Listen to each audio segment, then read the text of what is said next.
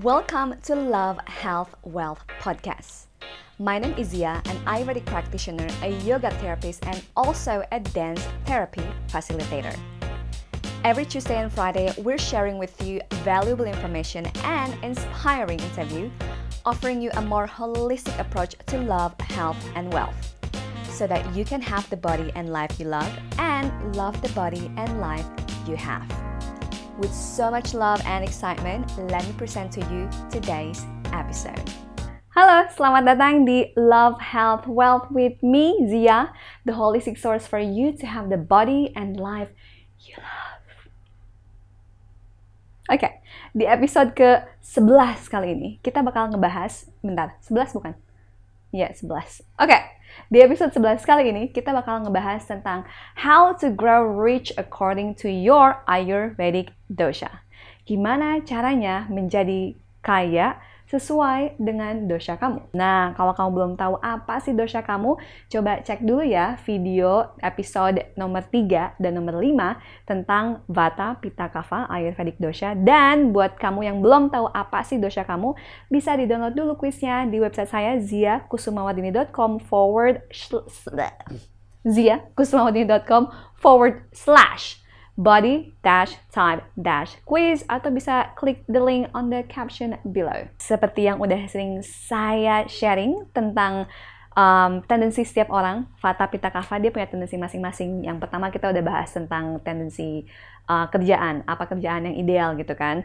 Uh, yang kali ini mau kita fokusin adalah tentang gimana caranya lo bisa tajir sesuai dengan dosa lo. Karena setiap orang ya itu tadi punya tendensinya masing-masing tentang wealth management. Nah, kita bahas satu-satu ya. Kalau misalnya kamu dominannya Vata, inget nggak Vata dominan elemennya apa? Karena kalau kamu inget elemennya, itu gampang banget buat kemudian kamu assess dan kamu treat uh, whatever situation that you want to um, address. In this case, how to grow rich, richer, riches, richer. Nah, kalau Vata ini, karena dominan elemen adalah ether and air, the lightest of the element, elemen yang tidak ada formnya, nggak ada bentukannya sama sekali.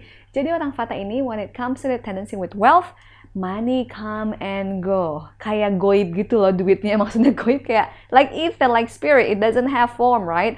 So if you're purely dominant in Vata atau punya tendensi Vata yang tinggi, Unfortunately, when it comes to like wealth management, like keeping it on the safe in the bank account, you have difficulties with that. Karena uang masuk uang keluar uang masuk uang keluar. Khususnya buat yang tinggal di perkotaan nih. Kenapa perkotaan tendensinya juga seperti itu?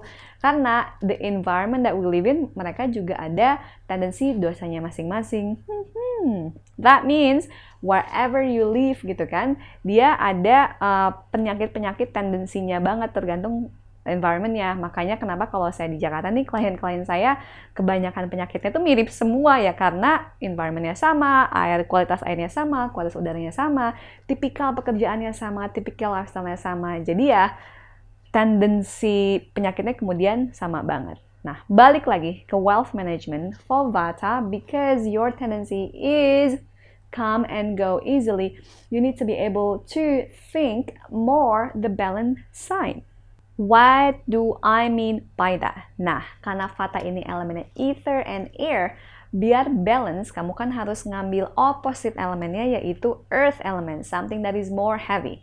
So, instead of spend money impulsively, misalnya kayak ngeliat barang tertentu padahal kamu belum tentu actually bakal dipakai gitu kan, kamu kayak impulsif beli aja gitu kan, kayak cing gitu kan, tiba-tiba kosong aja. I always joke like, ada tuyul kayak di dompetku. Because basically money just come and go impulsively come and go easily because I'm also dominant in Vata gitu kan. So in this case, one of the tips for you to grow rich is that become more aware, become more conscious. Think twice anytime you want to spend, every time you want to spend money on something. Do you really need it? What's the purpose of this? Is it just because of my impulse or actually dengan saya menggunakan uang ini, dengan saya spend uang ini ada manfaat lebih besar dibanding cuma FOMO, fear of missing out. Loh, apa hubungannya sama FOMO? Karena orang dominan Vata, emosi yang dominan buat Vata kalau negatif adalah fear, rasa takut, rasa cemas, worry, anxiety. Makanya oftentimes orang Vata, dia juga salah satu alasan kenapa spend money impulsively because of that fear of missing out. So, besides having the awareness sebelum kamu belanja buat tahu kayak ini buat apa, if the answer to that is fear atau si FOMO tadi, you know that that's not actually the best way for you to spend your money on. Jadi benar-benar tanya lagi, be aware, maybe take one or two long deep breath, maybe take few days, maybe take couple days gitu kan. Akhirnya buat decide apakah aku benar-benar akan membutuhkan dan memerlukan barang ini. Next one, dosha selanjutnya adalah pita. Nah, karena pita ini elemen dominannya adalah api, fire, it makes pita dominant people very goal oriented. Makanya saat mereka ngeluarin duit ini juga goal oriented banget. Jadi saat mereka ngeluarin duit nih dibanding Fata yang kayak ah whatever I just like to buy things gitu kan. Kalau pita kayak ini buat apa? Ini gunanya buat apa? Ada hubungannya nggak sama kerjaan saya? Because they're very in general pita dominant people very goal oriented gitu kan. Jadi apa pun yang mereka lakukan termasuk mengeluarkan duit belanja gitu kan dia pasti nanya ini ada hubungannya nggak sama purpose yang mau saya ambil? gitu kan. So I know someone and he only spend his money for his business. Bahkan buat bikin buat bikin buat ngeluarin duit buat beli tasnya dia yang udah sletingnya udah rusak gitu kan he's like well it's still working gitu kan. Kayak ini nggak jelek-jelek amat tasnya masih bagus masih functional. Ya gue nggak akan beli padahal kayak itu udah agak rusak gitu. Or he don't buy clothes for the sake of beauty. Ini cantik apa gimana? Nyaman. Tapi lebih kayak this is good for my work. This is here um, very functional for my business So that's a very typical pita people. The downside to pita when it comes to wealth management adalah dia bisa spending things on luxury things. Uh, now, I don't think that's purely good or purely bad. It really depends on preference. Tapi kalau kamu punya tendensi buat nabung punya sorry once you get money and then you just spend things on luxury item and then you don't even have the money to then fulfill your goal to then fulfill your dreams then maybe there needs a balance point Intinya, kalau buat Pita sendiri, because they're very good on like managing their wealth, organizing and everything, I don't see a huge problem when it comes to become to grow rich for Pita because if they want to set their goal to grow rich, they will find a way for it. It is just sometimes maybe you want to just let loose, maybe you just want to relax gitu kan. Sometimes gak apa-apa kok buat kayak spending money for your own personal pleasure for your own for other people's pleasure yang mungkin nggak ada hubungannya let's say sama goal kamu but if it can give more like joy and presence and like um, pleasure in your life that is not related sama goal on the tadi maybe that's a good thing to do once in a while. Dan dosha terakhir last but not least adalah kapha nah karena kapha ini dominan elemennya adalah earth so is the heaviest and the most form of all gitu kan Kapha dominant people actually has no problem with saving money khususnya kapha. Kalau kapha dosanya adalah di pikiran, bukan di badan. Kalau badannya kapha tapi pikirannya fata ya sama aja. They might like spend money to eat because kapha loves to eat. Now, nothing good or bad. It's just if you want to grow rich, then generally this kapha quality tentang kayak preserving money, saving, and all those things maybe is the right choice for you to adapt more. At the same time, nah, aku bukan financial advisor ya, Bo. So, if you just save, save, save tanpa ngelakuin apa pun gitu kan di investasiin yang benar, maybe that's not also a good thing karena inflasi atau apalah. Now, I'm not going to go there because that's again not my expertise. At the same time, this quality of preserving preserving things instead of spending, spending, spending yang dominannya Fata adalah kualitas yang generally good when it comes to grow, when it grow richer, when it comes to like building wealth.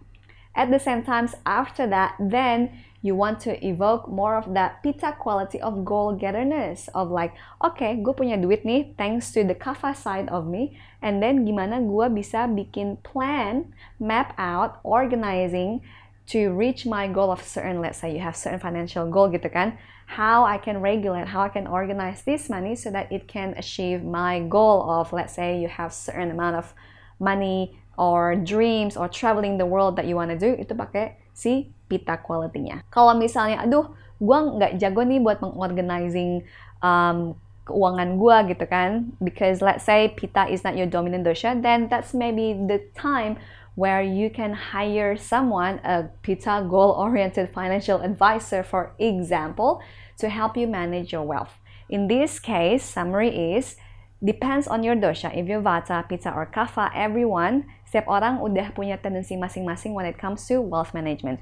If you're Vata, definitely be aware tentang spending kamu. Don't spend money because of fear of missing out. Make sure that you really know why are you spending this money for. For Pitta, it's good that you have goal-oriented nature, and for Kapha, then the balance side will be like how you can um, apa ya mengorganize, men um, plan out your wealth, all the money that you've been saving. Oh, sorry, one more thing. But Pita, be chill a little bit more if you want like also enjoy. You can save, you can be goal oriented with your financial goal. At the same time, how you can still enjoy and be okay about spending money a little bit on your personal pleasure. Terakhir banget nih sebelum kita close this class adalah tentang when it comes to grow rich The first question you need to ask yourself adalah what's your definition of rich? Is it like a lot of saving? Apakah deposito? Apakah punya properti di mana-mana? Apakah punya investment ini itu ini itu? Atau for some people, maybe grow rich means you have experiences of life where you travel the world. Lagi-lagi nggak ada yang salah, nggak ada yang benar. Like Ayurveda, everything is both good and bad. It depends gitu kan. Now, if your meaning of rich meaning you have an experience of life, then you can save money and then use that for traveling the world. If, let's say, for you to grow rich is to actually have businesses that can help other people, then you have that saving money ability of kapha growth nature, and then you use that to, you know, fund your passion project. And for some people, maybe grow rich is when you can be able, where you're able to share with other people. Mungkin kamu bisa uh, masak punya orang lain, mungkin kamu punya yayasan di mana kamu membagikan kekayaan kamu, hal-hal yang kamu punya sama orang lain. So again, it really depends. What is your definition of rich? Apa makna tajir, apa makna kaya buat kamu? And then use your finance wisely to help you fulfill that richness of life that is aligned to you. So, that's it for today and I hope it can give you benefit. Sekarang pertanyaan buat kamu, apa sih satu hal yang kamu pelajari dari kelas ini? Share your learning on the comment below and when you're down there, be sure to like and subscribe so you will be the first to hear about our future online classes. Dan kalau kamu pengen belajar lebih lanjut tentang everything related with holistic health and beauty, kamu bisa follow saya di Instagram at Zia Kusumawardini atau ke website saya ziakusumawardini.com. Sampai ketemu di kelas selanjutnya ya. Dah!